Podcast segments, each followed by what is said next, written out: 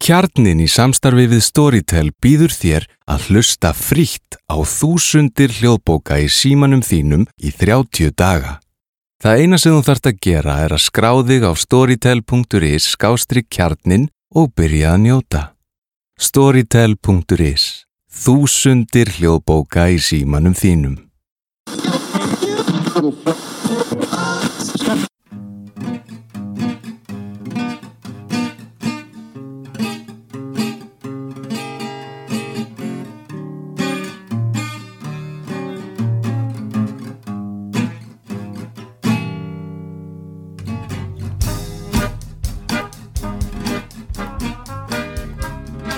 Velkomin í samtal við samfélagið, hlaðvar félagsfræðinar.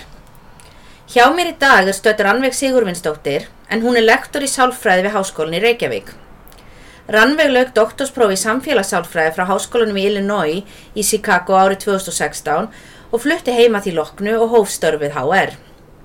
Rannsóknir hennar beinast meðal annars að ofbeldi í nánum samböndum, hvernig hægt er að koma í veg fyrir ofbeldi og hvernig hægt er að hjálpa fólki að vinna í gegnum erfiðar aðstæður. Rannveig hefur byrt mikinn fjölda fræðigreina bæði sálfræðatímaritum og líðhelsutímaritum og stýri nú stóru rannsóknarverkefni sem er styrt af Rannís en það snýst inn mitt um geðhelsu og áföll á meðal íslenskra karla og kvenna. Velkomin Rannveig. Takk fyrir að bjóða mér hinga. Ef við byrjum nú svona eins á byrjuninni, hvernig var það að áhugið þinn og sálfræðinni vaknaði og hver var leiðin að vera síðan komin út í bandaríkjana í doktorsnám? Mér finnst sálfræði rosalega áhugaverð að því ég hef ótrúlega breiðan áhuga á fólki og sálfræðin snýst svo mikið um að skoða hegðun og líðan og tilfinningar fólks í ótrúlega breiðu samhengi. Þannig að það heitlaði mig strax alveg frá byrjun og þess vegna byrjaði ég að stunda nám við Háskóla Íslands, fór í grunnnám í sálfræði þar og svo þegar ég var að læra að þá fann ég að þessi breiði áhugi minn hann var að byrja að fara í áttina að ofbeldi út af því að þar færður svo margt sem skarast. Þú færð náttúrulega, þú ert að skoða hegðun sem er óæskileg og áhugaverð og hún er rosalega félagslega bundin. Það hvernig við sjáum ofbeldi, hvað telst verið ofbeldi og hvað ekki er rosalega menningabundið og aðstæðbundið líka. Mm. En það er líka ákveðin svona kynjavingill í því sem ég fannst rosalega áhugaverður og bara, mér finnst það mikilvægt að við getum gert eitthvað í því. Mm. þannig að þú veist, það er svona kannski líka aktivistinn í mér sem að vil fara að gera eitthvað í þessu. Þannig að þetta trend svona byrjaði að koma saman og móta rannsóna áhuga minn sérstaklega á áföllum og ofbildið sérstaklega. Og hérna, og það er rosa mikið að gerast í þessum heimi í bandaríkanum og hérna, og þar er mitt sótt í um nám og komast að hjá hérna sálfræðingi sem að er með svona bæði hefur skoða ofbildið mjög lengi en hefur líka svona feminist sjónarhorn og, og svo framvegs sem er, er til í sálfræðin að það er kannski ekki rosalega já. þannig að hérna, já, mér finnst það rosalega aðvert mm -hmm. Þannig að Marta því og við tölum um það hér á eftir en í raunin Marta því sem þú ert að skoða í dag og rannsaka í dag á rætur að rekja til kannski þessar uppaflega áhuga sem að þú finnir í sálfræðinaminu hér. Já, algjörlega Og svo ákveður að fara til bandaríkjana. Já. Hvernig sem sagt ákveðst að fara að þanga og hvernig var að vera doktorsnemi, búið í bandaríkjunum, verið í Chicago, miðvesturíkjunum? Mér fannst rosalega gaman að fara til bandaríkjana og mér fannst doktorsnám rosalega heitlandi að því ég er svolítið mikill nördi bara í hjartanum mínu þannig að það að geta held mér út í eitthvað fannst mér rosalega heitlandi og ég fekk það rosalega mikið í náminu að vera bara grúska og einmitt hérna, búa til rannsóknir og, og vinna svo úrgagnum og svona og það fannst mér ótrúlega skemmtlegt og ég fekk að vinna með alveg topp fræðumunum þar þannig að ég fekk rosalega mikla insinn inn í hvernig maður gerir rannsóknir, mm. þú veist hver eru kostur og gallar, hvað hvað hérna, áhrif eins og sjónarhorn, fræðilegt sjónarhorn mm. hefur á hvernig þú samla gögnum og hvernig þú hugsaður um niðurstöðunar og svo framvegs þannig að það var ótrúlega gott að því að þrátt fyrir að hérna, grunnámið hérna var mjög gott og ég naut mjög góðs að því sérstaklega að það koma svona aðferðfræða tölfræð og yeah. stóð mjög vel í því yeah. að þá vantaði mig alveg kannski aðeins að fá pínu aðra sín og ég held að það sé rosa gott fyrir alla yeah. að vera ekki kannski bara í einum háskóla alltaf Já. heldur að aðeins fara og sjá þú veist, önnur sjónarhörn og, og kynast því, þannig að það er ósað gott og svo að búi í Chicago er æðislegt ég er alveg ótrúlega hrifin Já. af henni hún er, hún er stór borg, þannig að það er allt til í henni, allt sem getur ímyndaður að vilja gera Já. og góðu matur og, og svona en hún er samt ekki yfirþyrmandi. Eða allan ég uppliði hann ekki þannig. Þú veist það eru margir sem fara þessu til New York Já. og segja að þeir verður bara þreyttir af því það er svo mikið í gangi alltaf mm. og þú veist eitthvað svoleiðis. En ég hérna upplifið það allan ekki í Chicago. Þannig að ég mæli indriðið með henni. Já, við náttúrulega fórum þangað nokkuð oft því að þar sem ég var í Bloomington þá var þetta svona stór borgin fjögra tíma. Já. Akstur, kerðum mér að segja einu sinni á einum degi frá Bloomington í IKEA og tilbaka ok, það er nú bara mjög vel að sér Það var vikið mjög, mjög vel af sér vikið. Eh, Chicago er enda það stóra það eru tvö ekki er, Já, við hefum sennilega farið í það sem var heldur, heldur nær en, Já, ábyggilega. Annað þeirra er ekki í læginu svo íkja. Ég veit að við erum farað þessu út fyrir hérna. Það er svona eins og sexhætningur í læginu og þremur hæðum. Já, nei, ég fór ekki því að þetta var í fyrsta skipti sem ég svona grét og táraðist var því IKEA þetta var í februar á fyrsta árinu mínu og það var ekkert búið að vera eins og Ísland Ah, jú, þetta er svolítið eins og móðuskipi, sko. um leiðum að sá blá og gul IKEA litin það var bara svona. Já, ég tengi mjög stert við þetta. En einmitt, þegar ég fór í þetta skrýtna íkja, þá Já. einmitt, ég varð pínu brjáluð. Já, Af því að þetta var allt svo kunnulegt, en það var samt ekkert eins í læginu. Já. Og, eitthvað, og ég vissi ekki að ég hefði svona sterkar tilfinningar þegar kemur að íkja, en það er komið fram þarna. já, það er margt sem maður veit ekki uppgötar þegar maður fer erlendis og ég held um að það sé mjög mikilvægt eins og segir með að fara, náttúrulega eins og kannski fyrir okkur í annar land en líka bara á milli háskólu vera ekki alltaf í rauninni sama kerfinu þar sem hún lærir að svona er sálfræði, svona er félagsfræði Já, heldur að fá þetta víðara ég held að það sé mjög holdt, sko. Já. Já, og þarna og svo tók ég eftir að að, að doktorsprófið þetta er í sem ég þýtti sem samfélagssálfræði já, ég gerir það líka. ha, já, og þarna og ég hef sjálf sér ekki vita kannski mikið um það en hvernig myndur hún að lýsa því sviði sálfræðinar og hvernig er það kannski ólíkt því sem við kannski hugsum um þegar við bara hugsum um sálfræði eins og til dæmis tekur hér á Íslandi Mm. Sko, samfélagsálfræði er community psychology Já. á ennsku og hún er búin að vera til kannski svona síðan svona 1960-70 í bandaríkjunum en hefur ekki verið þekkt mikið Já. annar staðar í rauninni.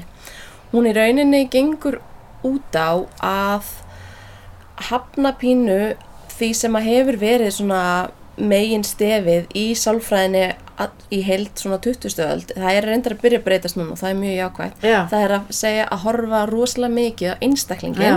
og einstaklingin sem skýringu fyrir öllu sem er í gangi þannig og mín heilsa ákvarðast engangu af minni hegðun og mínum hugsunum og tilfinningum það, það er satt að ykkur leiti og það er mikilvægt að, skilja það en það er ótrúlega takmarkandi sjónarhörn ef maður hugsa bara um áhrif umhverfis og, og kerfa og svona eins og þeir Já. allir í félagsfæðinu viti Já, allt maður er um með sko. verið að hugsa um þarna, þú veist, þarna eru, sem náttúrulega er mikið að gera sem er aðeins góða, náttúrulega aukið, aukið verkfarleiki og farum þetta, kannski skilja Já. hlutin út frá ymsum sjónarhóttnum. Já, þannig að samfélagsálfræðin tekur þetta, sérst reynir að horfa á einstaklingin meira í samhengi við umhverju sitt, Já. bæði svona nær samfélag og samfélagi og hérna, og hefur líka svona aktivista tilgang í rauninni. Já. Það er ekki bara fræðin fyrir þeirra eigin hérna, tilgang, heldur að þau eiga skil ykkur Já, þannig að þú veist það er alveg fullt af hérna, samfélagsálfræðingum sem að eru kannski með eitt fót í hérna, því að svona policy, þú veist, að Já. þú veist, breyta reglum og lögum og, og reyna að hafa áhrif á, á umhverfið sín beint sko þannig að já, þetta er svona reyn, reynd að taka þetta ennþá að hagnýtara já. í rauninni líka sko. Já, svona hugsa hvað er það sem er að gerast hjá einhverjum ás, hvern einstaklingi, hvernig tengist það stærra samhenginu Já. og síðan hvað getum við gert við það. Já, og það er sko partar af félagsálfræðinni sem eru með að hugsa svona líka sko en, en, en öll samfélagsálfræðin er í rauninni á þessari líka að þú veist að líka okkur ber bara skilda til þess að gera heiminn betri, já, þannig að það er svona aðalmáli já.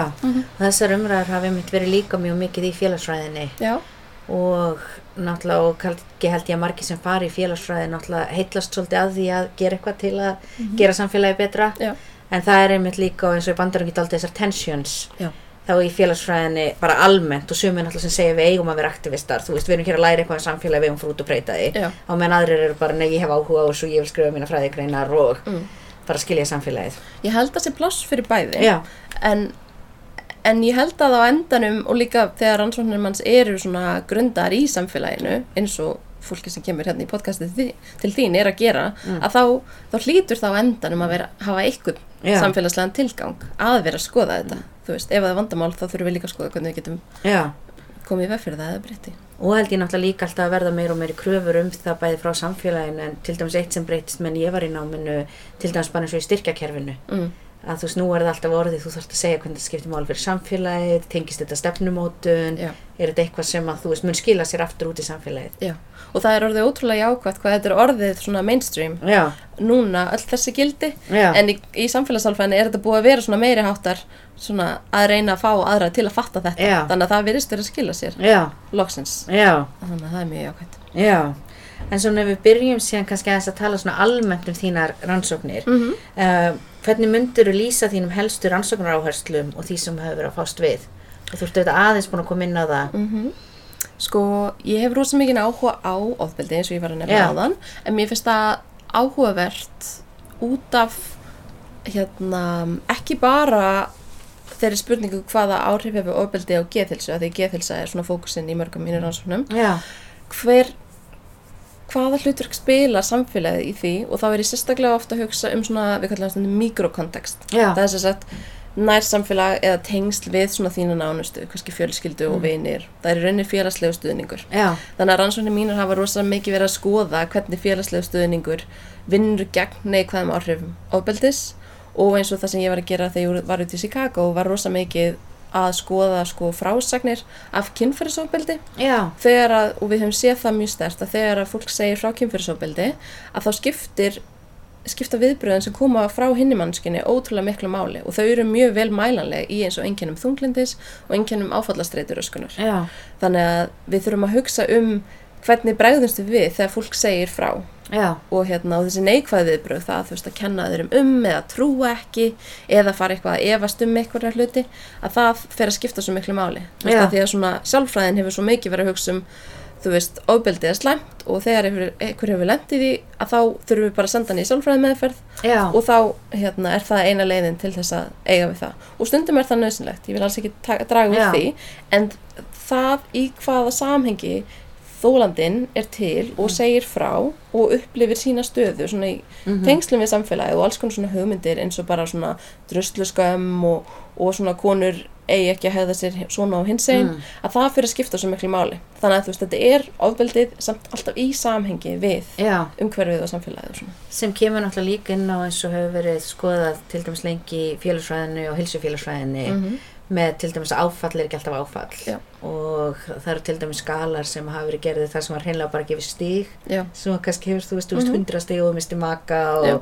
þetta mörgu og skildir og eitthvað svona Já. en náttúrulega líka sjá að þú veist, það er ekki sama til þess að missa makaðinn þegar þú ert kannski áttræður eftir löng veikindi mm eða bara í bílsleysi þú ert 25 ára og náttúrulega þarna ef við hugsaum um þetta eins og frá því sem þú ert að segja að kannski áfallið og nöðgunin er kannski sambarileg Já. ef maður getur einhvern veginn sagt að eitthvað slíkt er sambarilegt sem náttúrulega er erfitt að gera. Mm en til dæmis bara hvort að einstakling sé trúað um leið Já, og stuttur á þann hátt eða nákvæmlega sagt þetta æ, við þeim varst ekki bara rúslega stuttur pilsi? Eða nei, hann myndi aldrei gera svona, hann er svo duglur í íþróttum. Já, einmitt. Og þetta sko, fólk sér svona sögur rosalega Já. oft og við hefum heyrt og séð bara í fræðunum en líka bara í hinnu venjulega lífi að fólk hefur sagt sko, kannski eitthvað sem var misnotaður kynferðislega í æsku af einhverjum í fjölskyldinni og segir svo frá því já, að þá sko er oft sagt sko ofbeldi var slæmt og mér leiði illa en það sem var miklu verra var að öll fjölskyldan afneitaði mér Já. og talar ekki við mig í dag veist, að það er þetta að missa þennan, þessi félagslegu tengsl og hræðslan við það kemur líka í veg fyrir að fólk segi frá. Já, þannig að þú veist, að þetta er alltaf svo tengt. Veist, sérstaklega þegar gerandinn er einhver náinn og einhver sem að hinir eru tengdir líka að þá, þá er mitt fyrir þetta að skipta svo rosalega miklu máli. Og það eru þetta það sem við sjáum oft er kannski svona, já, kannski hefur verið þannig að í rauninni eina sem er litið á sem nöðgun og kannski svo ímynd og það sem við erum hrættast við er að þú ert einn út að labba sent að kvöldi og það kemur bara, náttúrulega kannski í gallabuxum og sko vetrarúlpu og það kemur einhver ókunnugu maður og ræðist á þig Já. og það er svona kannski það sem er algengast að sé trúað eða, eða sko, var, þú veist, þetta er náttúrulega breyst mjög mikið Já, það verður þessi hugmynd um að það sé svona ideal victim, eitthvað svona besti þólandin í rauninni. Já, Þú veist, að það er einmitt kona einmitt sem er ráðist af af eitthvað sem hún þekkir ekki og einmitt, hún hefði ekki geta gert neitt til að koma í veg fyrir þetta. Já. En leið og fer eitthvað annað, að þú veist, ef þú fellur ekki fullkóla byrjar fólk að kenna þér um já, svona fólk almennt. Já, ekki allir auðvitað en þú veist, einmitt, ef að þú þekktir viðkomandi og kannski, einmitt, þetta er kannski vinuðinn, þú kannski bauðst honum heim til þín, já. þú veist að þá, einmitt, er, Þú varst kannski búin að vera að kissa hann eitthvað? Mögulega, Þú veist sem Já. að einmitt, og einmitt, við höfum líka séð í rannsóknum frá Chicago að þegar þú ert búin að drekka áfengja, þá færðu allt önnu viðbröð líka. Og svona þannig að allt sem að færir því frá þessum flokki af því að vera svona þessi, þessi reyna, reyni þólandi að þá, þú veist, verður þér kent meira og meira um, sko. Og ég held að fólk viti það svona á, finni það á einn skinni og það kemur í veg fyrir að fólk segi frá. já Mm. Og þú sagðist að það verið að skoða sögur Já. fólks og hvernig gögn eru það þá voru þetta viðtöl sem að þú tókst eða Sko við höfum gert já. við höfum gert bæði, sko við höfum verið með spurningalistagögn, þá Já. út í Chicago og þá vorum við með bara hérna auglistum eftir konum sem að hafðu lent í kynfyrirsofbeldi og sagt frá.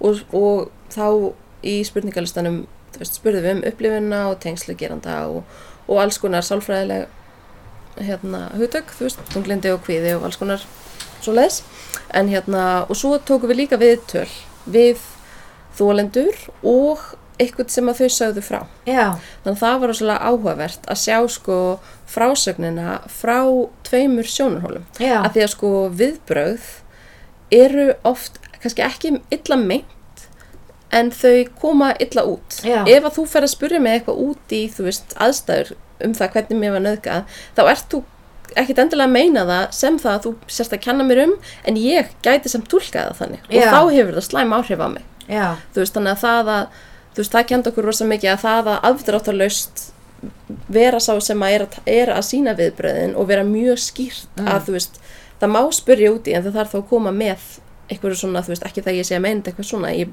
vil bara vita, þú veist, hvað já, gerðist og eitthvað svona. já, Þannig að, að, að já, það, það var mjög áhugavert og það líka, þessi viðtöl síndu rosa mikið að þetta ofbeldið sem að þær hafði orðið fyrir voru sko sérstaklega konur sem voru fátakari, að þetta var kannski partur af rosalega stórri mynd af áföllum og erfileikum og streitu og svona, þannig að þetta var slæmur hluti en þetta var kannski, já, bara svona einn þáttur af rosa Já. mörgum sem áttu erfitt með að eiga við, þannig að já, já. og það er náttúrulega oft sem við sjáum líka sem Mhm. að getur haft svo neikvæð áhrif Já. Því auðvitað náttúrulega geta alls konar hluti gert fyrir alls konar fólk sem er í alls konar aðstæðum. Mhm. en ofta er það náttúrulega þannig að hlutir svona sem að til dæmis hafa jákvæð áhrif á geðhilsu fara saman já. og hlutir sem hafa neikvæð áhrif á geðhilsu fara saman hjá öðrum einstaklingum. Já, og við hefum einmitt séð það mjög stert í fræðunum bara að það hérna, hefur mjög mikil áhrif. Ef að þú hefur einu sinni orðið fyrir kynfyrirsofbeldi þá ertu orðin tölvert líklegri til þess að verða fyrir því aftur. Já, og það helgast allavega hluta til af því að þú ferð að nota svona slæm bjargráð já, til að eiga við þína líðan eftir á. Og, og þá setur það þig aftur í hættu og svo bara getur það undið upp á sig aftur og aftur. En, en það náttúrulega er ekkert og getur tilfelli. gefið dæmið eins og um þessi bjargráð því maður líka heyrir þetta náttúrulega ofta eins og í samfélaginu kannski þú veist einhver sem er búin að lenda í þessu fimm eða sexunum Já. þá hlýtur nú að vera að bjóða upp á þetta. Já, það, já, það er nú eitthvað, að, eða, Já, veist, já, það er eitthvað, eitthvað annað í gangi þarna. Ég náttúrulega hef aldrei lent í þessu og þú veist, ég er náttúrulega alltaf að passa mig. Þannig að við erum oft náttúrulega líka kannski með þessar. En hvað er það þá svona kannski þetta ferli svona að bjargráði eru oft sko, hérna, nesla áfengis og vímuefna, Já. eða getur verið það, getur líka verið sérstaklega ef að ofbeldi gerist þegar þú varst hérna yngri, að þá getur verið erfitt að setja mörg já, í samskiptum, já, sérstaklega svona romantískum, Já. kynferðislegum samskiptum og eitthvað svoleiðis, þannig að það er helst eitthvað þannig, þannig að þær skýringar eru rosalega svona einstaklingsbundar, já, en við skiljum ekki alveg nógu vel hvaða er við sko umhverfið sem Já. nákvæmlega kallaði fram en það Já. er ábyggilega, þú veist, það er náttúrulega hlutir eins og fátækt og annað, þú veist, og eins og sérstaklega þar sem að er meiri breytileiki í, í bara eins og hverfum og svona eins og í. Já. bandaríkjunum að þá fer það líka skipta Já. máli en, en jú, við þurfum að skilja þetta eins betur og hún náttúrulega kannski skapar eitthvað óryggi líka hjá einstaklinginu sem aðrir Mhm. sem kannski með miskóðar ætlanir peka upp á Já. að þessi er veikari fyrir heldur Mhm. en þessi hér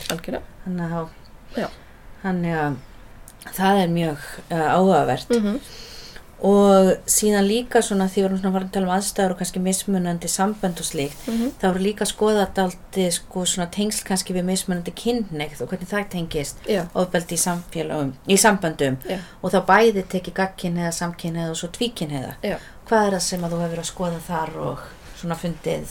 Sko, ég byrjaði að skoða þetta út í Chicago Já. í spurningalistagögnunum hjá þessum þólundum kynfyrirsofbildis og þá sáum við mjög stert að konurnar sem að sögðu, sögðust fyrir tvíkinneiðar að þær upplifðu miklu verri sálfræðilega heilsu. Þannig að sögðu Já. frá meiri þunglindi, fleiri einkennum áfallastreitu um, meiri líka neslu áfengis og vímuefna já, og svo framvegist að sögðu líka frá neikvæðari viðbröðum frá umhverju sínu Já. þegar þær sögðu frá. Já, og svo framvegis og svo fór þetta líka svona að skarast við kynþátt Já, þannig að já. þær konur sem voru svartar tvíkinniðar já, að þær voru í alveg langverstu málunum þegar koma þessu. Já, þannig að það er, það er eins og og þetta passa mjög vel við aðra rannsóknir sem hafa verið að gera. Og við, ég hef svo líka verið að skoða þetta hérna í hérna, ég er í samstarfi við rannsóknir og greiningu þegar Já. við rannsóknaröð sem heitir ungt fólk. Og þar hefur verið safnagögnum bæði grunnskóla og mentaskóla og í mentaskólagögnunum hefur verið spurt um, um kynferðislega aðluðin já, og þá hefur einmitt komið mjög start fram að það eru tvíkynhæð stúlkunar sem eru í verstu málunum þegar kemur að kvíða og þunglindi Já. og reyði og svo Já. framvegis. Þannig að það er, og þá verra heldur en bæði gagkinniðar og samkinniðar já, í svona í rauninni er myndin þannig að gagkynhæðir hafa það best svo eru samkynhæðir verri en það og svo eru tvíkynhæðir ennþá verri. Þannig að það er eitthvað við að vera hins einn sem að tengist þessu að, að þér líður verð og svo innan hins einn hópsins að þá er tvíkynhæðhópurinn ennþá. Já, ennþá, hefur það ennþá verið sko. þannig að við höfum verið að og mér langar rosa mikið að fara að skoða einhverja skýringar. Já, og það hérna höfum við ekki gert nú mikið af á Íslandi. Já, í bandarækjunum er til hugtæki hinsegin streyta já, sexual minority stress sem að er sem sagt hugmyndin að það að hinsegin fólk búi í því samfélagi sem það gerir. Það er að segja allt samfélagi er sett upp um að við séum öll gagkinnið og rosa mikið af daglegu lífi gengur út á það og svona hluti sem tengjast því. Já, og mismunun sem að tengjast því að passa ekki inn í þá mynd já, pluss það að hérna, hvernig þú túlkar það mismunun. Það að, eða þú veist, finnast eins og eh, bara búast við að aðri að fara að hugsa illum þig eða eitthvað svona hugsa eitthvað ljótt um þig að, hérna, að það fyrir að hafa áhrif líka. Þannig að mér langar rosa mikið að fara að skoða þetta á Íslandi. Já, hvort að hins einn streyta sér til á sama hátt og hvort hún hefur þessi sumu áhrif og hún virðist gera já, í bandaríkjanum að því náttúrulega samhengi í kringum hins einn fólk er allt annað á Íslandi heldur Já. en í bandaríkjanum þannig að, já, held að Já. já, ég held að það sé mjög áhugavert því að það er náttúrulega kemur líka inn eins og náttúrulega bara með samhengið Mhm. og við náttúrulega vitum og það er náttúrulega mjög mikil fylgjamunur í bandaríkjunum já, og náttúrulega til dæmis það sem að náttúrulega rannsóknir hafa almennt sínt að geðhelsa meðal samkynneira til dæmis unglinga og ungmenna er verri uh, svo sjáum við til dæmis sérstaklega slæma eins og oft hjá svörtum konum Já. eða svörtum bara almenn en það er náttúrulega líka sem við vitum að í bandaríkjunum innan svarts samfélags Mhm. er samkynneið minna samþykkt heldur en Já. Innan ef að Algjörlega. maður svona þó þetta náttúrulega sé allt samfélag mm þannig að það er náttúrulega líka mjög áhugavert og svo líka kannski veltum maður fyrir sér því að náttúrulega oft kannski þegar og þessi fókus á ungmenni þegar þú ert farin að sjá að ég meina þeir eru nú allt búið að segja er, þú veist allar Disney myndir Mhm. flestar fjölskyldur, leikskólar þú veist að þú verður skotin í einhverjum hinu kynnu já, og svo byrjar að finna þetta kannski að þú ert náttúrulega líka við hvaðum aldri Mhm. það er ekki eins og sér kannski búin að móta þína sjálfsmynd Nei. eða eitthvað slikt, þú Nákvæmlega. kannski, ég veit ekki 10 ára, 12 ára, 14 ára mm þú ert einhvern veginn farin að segja ég pass ekki inn já, einmitt og það er náttúrulega, það að vera úlingur er erfitt Já. Einmitt, út af sjálfsmyndinni og Já. þú veist, félagslega tengsl er breytast og hormóna það er bara ímislegt í gangi Já. og svo kemur þetta ofan á Já. að þú passar ekki inn og það, þú kannski þekkir engan í þínu nærumhverfi sem að er svona, passar ekki inn þú veist, og þú veist, hins eginn fyrirmyndir svona í samfélaginu Já. eru, þú veist, þær eru miklu algengar í dag en þær voru bara fyrir tíu árum já, og já, 20 já, árum það er sérstaklega, alveg rosalega. Alveg rosalega. Þannig eins og í dag til dæmis myndi maður telja að þú myndir sjá verulegan mun kannski, eða það veri minni raunni munur kannski út frá kynneið og Íslandi heldur en til dæmis eins og í bandaríkjunum. Já. svo maður tala nú ekki um kannski sko í já, ég meina sömum kannski með Östurlöndum eða Mm. í Afríku þar sem að já, ég meina jafnvel getur ennþá verið bara döðarefsing við Já, einmitt, þú veist þannig að félagslega samengi er allt Já. annað. En samt virðist þessi munur vera mjög sterkur. Já, þannig að, að mér langar að kafa svolítið í Já. hvað er í gangi þar og reyna, reyna að skilja það betur. Og náttúrulega kannski sérstaklega áhugavert líka í samfélagi eins og Íslandi þar sem þú myndir svona segja að kannski er þetta með þeim samfélagum það sem ætti að vera einna auðveldast. Og Já. við ættum að sjá sem minnstan mun. Já, en ég minn í enda dags þá náttúrulega samt búum við ennþá í samfélagi sem að miklu leiti er skilt út frá Já. og það er svona það sem er gert ráð fyrir algjörlega og eins og bara við skoðum, þú veist, sjálfskaða og sjálfsveikshugsanir og svona Já. hjá eins og tvíkynheðustúlkunum ég man ekki alveg, við vorum með kynningu um þetta um daginn, ég og Berglind Gísladóttir í þjóðminnesafna á. Já. dögum og þá Já. vorum við með þetta, ég held að það hefur þú veist, 50-60% sem að hafa alvarlega íhugað sjálfsvík Já. af tvíkynniðustarpunum, Já. sko. Þetta er alveg ótrúlega hátt Já. hlutfall. Að, en, en svona fyrir utan þennan hinsegin vinkil, að þá er líka, verðist sem að, hérna, geðhilsa ungra kvenna, sannig sé að raka alveg rosalega hratt. Já, og eins og þessi rannsóknar greininga síðan frá svona 2000 hafa sínt að strákar hafa ekki eða þú veist, þeirra eins og þunglindis og kvíðaenginni hafa staðið í stað svona nokkurt megin, Já. aukist pínlítið en sko stelpunar hafa bara hækkað ótrúlega hratt og það, já, það er eitthvað í gangi þar sem við þurfum. Já. líka að skilja betur og hvað heldur það geti verið svona, kannski án þess að sko án þess að það geti rauninni sagt það sko svona skýringar sem hafa verið velt upp þú veist, eru þú veist, náttúrulega samfélagsmiðlar eitthvað sem er mikið talað Já. um og sko, þú veist, samfélagsmiðlarnir finnst, þeir eru áhugaverðir að þeir eru nýjir, Já. en þeir eru líka áhugaverðir að þeir setja af stað alls konar svona sálfræðilega og félagslega ferli, já, eins og svona félagslega samanburð. Já, þú ert alltaf að bera þig svona við eitthvað sem er betra en þú, það setja eitthvað svona glansmynd fram. Og svo er líka sko svona ákveðin líkamsýmynd sem er að breytast rosa mikið.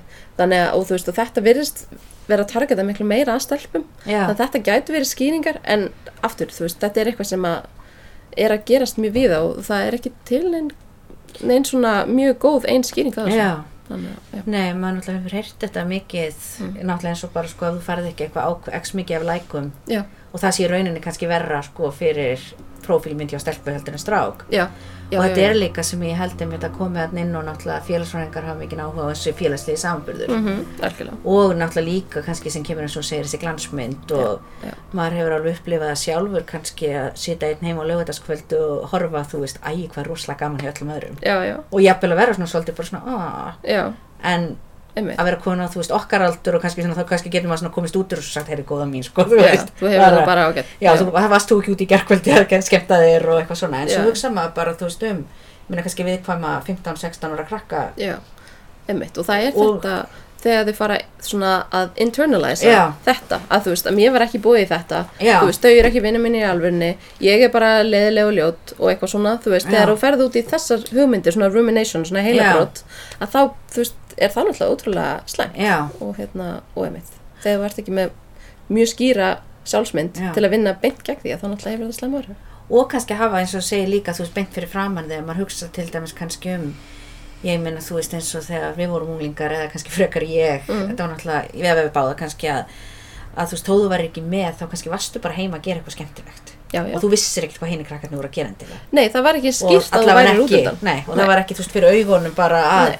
Nú er bara hér, þú veist, Instagram story frá, þú veist, öllum stelpunum í bekknum um hvað þær eru að gera Já, og þetta kannski, við höfum séð þetta svolítið í þessum rannsóknum og greiningagögnum. Ég hef verið að skrifa svolítið með hérna Ingiburga Efi Þórisdóttir, Já, hún er doktorsnemi í Háskólanum í Reykjavík já, og við höfum verið að skoða sko hvernig þú nota samfélagsmiðla ekki bara hvort Já. þú nota það og hversu lengi.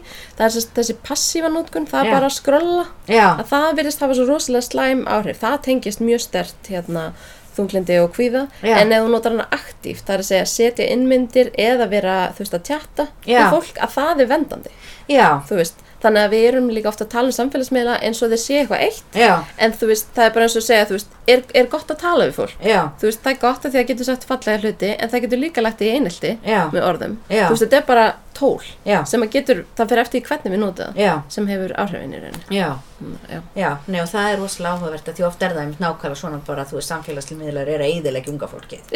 Og það er alveg En- ótrúlega alhæfing. Já. og þeir gera alveg ótrúlega mikið gott líka. Já, þú veist, þeir geta bústa líka félagslegan stuðning. Þú veist, þú getur verið í meiri samskipting kannski við vinniðina sem þú gast, kannski ekki áður með því að vera að spjalla við þá eitthvað svoleiðis. Þannig að, að við þurfum líka bara að skoða nánar, þú veist, hvað erum við að meina og Já. hvað áhrif hefur það. Já, kannski skilja líka kannski svona út frá félagsveruleika til dæmis unglinga því oft er náttúrulega sagt að þú veist, þau eru alltaf bara í símanum og þau eru að gera þetta mm en, og eru ekki í neinum félagslegum samskiptum. Já, en er en þau eru kannski í hellingssamskiptum þar. Já, Einmitt. Og svo er sumt af þessu líka bara eldra fólk bara, ah, ok, unga fólk í dag það er verður en það við nokkuð tíma verið. Já, ég held að sé alltaf svona svolítið er þannig alltaf að heimur alltaf vestnandi fyrr og Já, þú veist, þeir sem eru í dag eru rosalega latir og ger ekki þetta og unga fólki kann ekki að vinna. Já. en svo sér maður, þú veist, hluti eins og bara til dæmis loftlagsverkföllin og Já. miklu meira aktivismi finnst mér til dæmis í dag Já. hjá krökkum heldur um maður upplýði sjálfur. Og hjá stelpum sérstaklega. Það eru stelpur í dag eru virkilega að svona bara standa fyrir, hérna, fyrir sínum málefnum og, og berjast fyrir sjálfum sér sem að þú veist allavega var gerði enginn þegar ég var mingur Nei, nákvæmlega, ég held að það sé mjög mikla breytingar og jákvæðar. Mm -hmm. en svona tengt samfélagsmiðluna var mjög, mjög skemmtilegt heita á einni greini sem voru unnið að. Já, sem heitir, ég var að reyna þýða þetta en gekk eiginlega ekki mjög vel en heitir skona heit, troll skona troll the personality profile of a Facebook troll já, hvað var það sem hún gerði sem sagt, hvað skoðaður þarna og hver er þessi persónuleiki? Já, sko þetta er rannsókn sem að ég hérna var að vinna með, hann heitir Haukur Freyr Gilvason Já. í HR líka. Já, og hann og nefandi hans lögðu fyrir könnun með persónleika prófi og skoð og með spurningalista um hvort þú varst að trölla fólk trölla er þá þú veist að vera afveðalega umræður og veist stundum segja eitthvað ljótt, stundum ekki og eitthvað svoleiðis og niðurstöðna voru í rauninni að það eru mjög skýr einkenni persónleika sem Já. að tengjast í þessari hegðun já. sem að kemur kannski ekki, og hvað er það sem þú ert að gera og svona aðeins byrjar að tala um þetta þá ert að, ef þau vart að trölla já, þú, þú veist, þú og ég vissi ekki eins og þetta var orðið, orðið íslenskt orðið að trölla Já, nei, þetta, ég held að þetta sé fyrir eitthvað nýtt, sko. Já.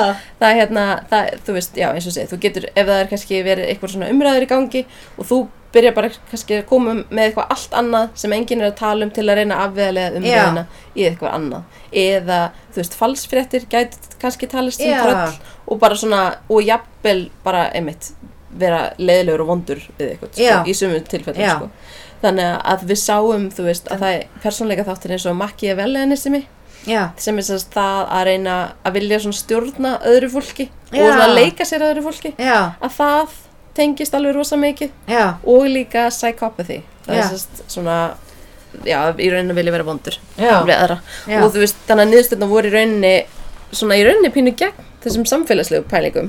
Að fólk sem tröllar gerir það af því að það er vond ekki af því að, að það er eitthvað í kringu það sem kallar það fram. Já.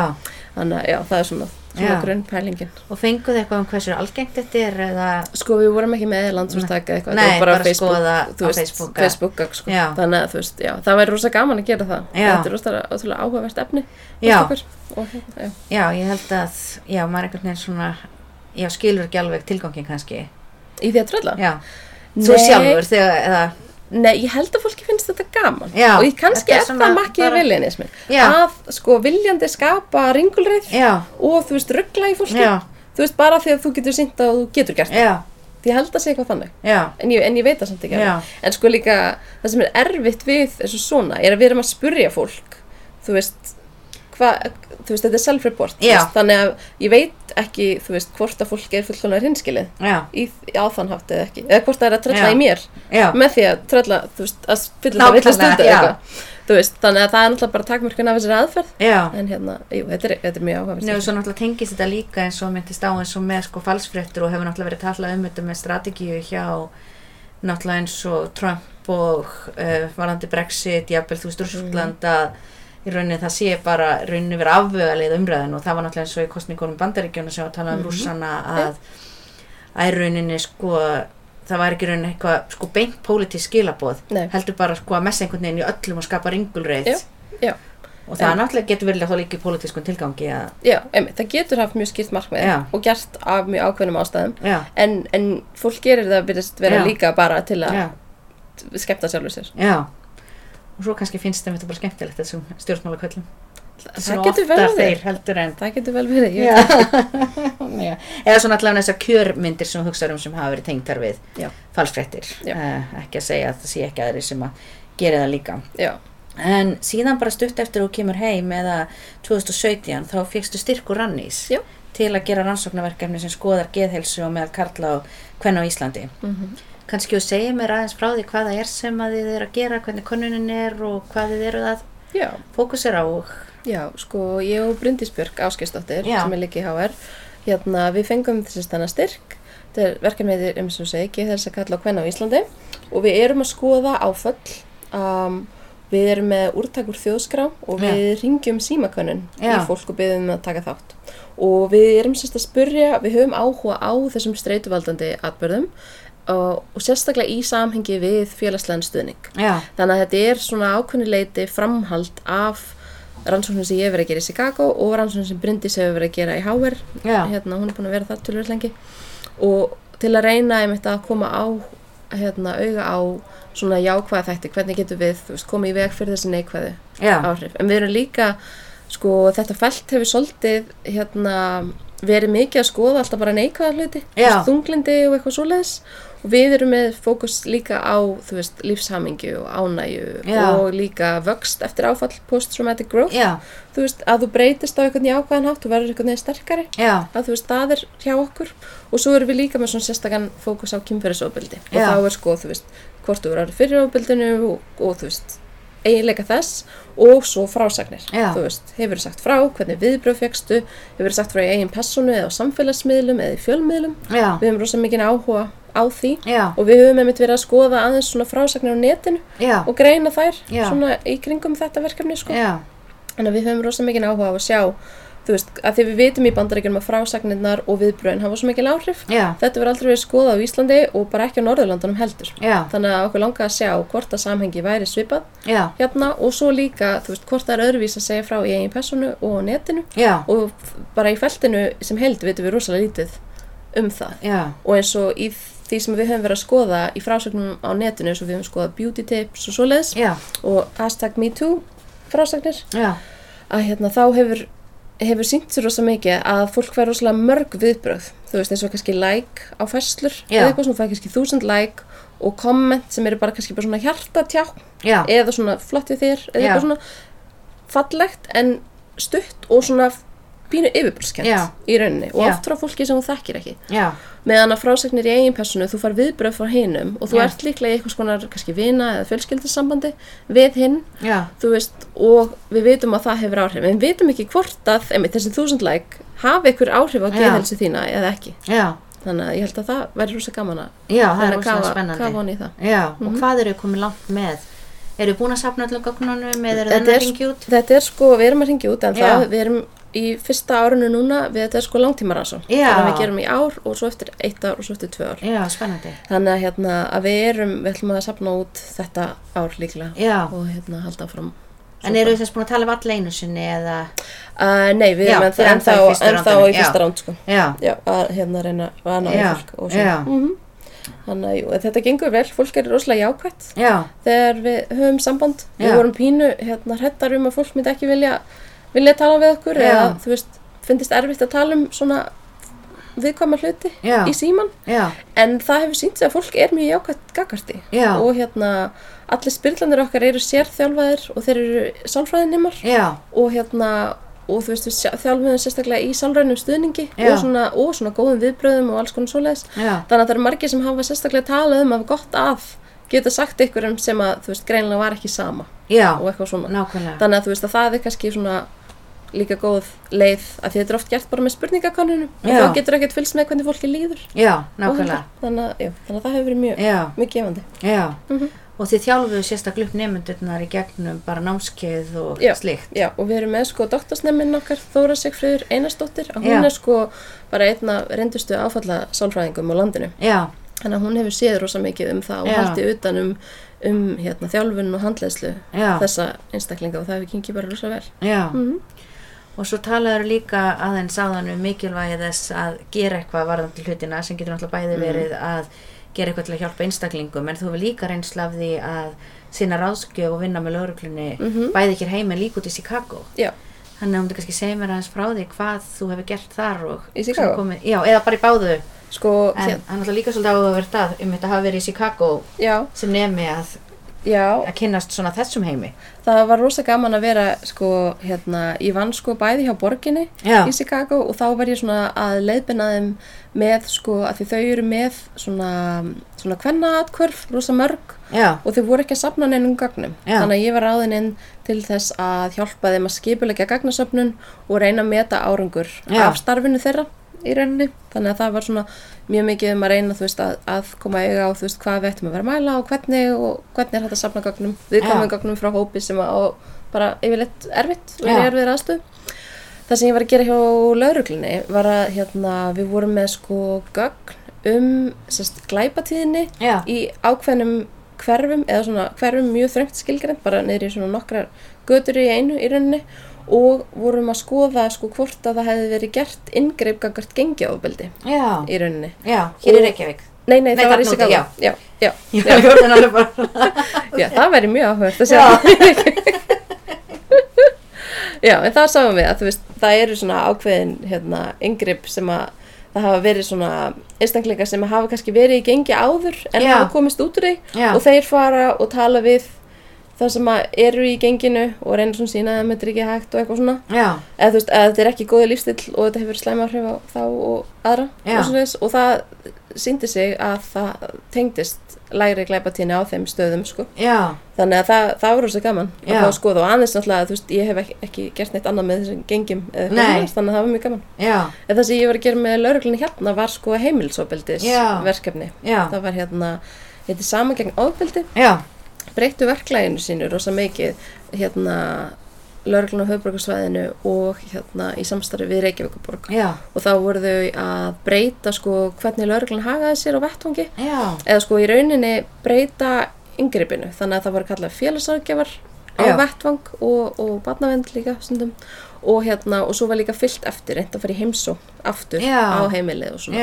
Það sem að hafði verið áður tilfellið og einmitt hafði komið fram í rannsóknum á lauruglunni var að þeir upplifðu svo mikið hjálparleysi lauruglumennir Já. að því þeir, eða lauruglu þjónunir, þeir fóru á hérna á stað og, og svo kannski bara stíðu fólki sundur Já. og svo fóru þeir bara, Já. þeir hefðu engin úrræði ekkert sem eitthvað gert, en þarna var verið að reyna að, þú veist, koma fólki í einhvers konar farveg eða þurfti þjónustu Já. kannski frá félagsþjónustunni eða eitthvað svoleiðis og það sem ég hef mitt notaði þessi gagn í doktorsvíkjarni minni að hérna ég tók viðtöl við þólendur sem hefðu farið í gegnum verkefnið já, og þá hefðu þið hérna, fengið aðstof frá félagsákja já, og hérna það kom rosalega jákvæmt út þólendur voru, að því margir þeirra höfðu sko sambörð fyrir og eftir að verkefnið byrjaði já, það er kannski lengt í þessu og bara, Já. sem sagt, verið búið. já, og svo hérna þannig að þau voru mjög jákvæð Já. gagvart, gagvart þessu og fannst þetta miklu miklu betra og bara að eins og það væri verið að hugsa miklu meira um þig að vera Já. sinnaði meira áhuga og svona og já, það hefði bara rosa jákvæð áhrif sko. Og sýnir náttúrulega líka en eða mikilvægi raunin á sem tverkfælega og hugsa um þetta svona í heild. Því að stundu kannski við að gaggrina laurugluna fyrir þú veist að gera ekki nóg. Já, en ég meina þeir eru ekki sérfræðingar í svona aðstæðum. Nei og við erum kannski ekki að gefa þeim tól. Nei, og ekki fjárveitingar já, og ekki veist og, og, og, og aðra sérfræðingar sko. þannig að jú, algjörlega. Það er alveg eitthvað sem við þurfum að hugsa miklu meir um. Já, og hérna, en ég veit að þetta verkefni hefur gengið rosa vel. Og hérna og, og já, bara, bara, bara rosa lauruglun fyrir þetta í rauninni sko.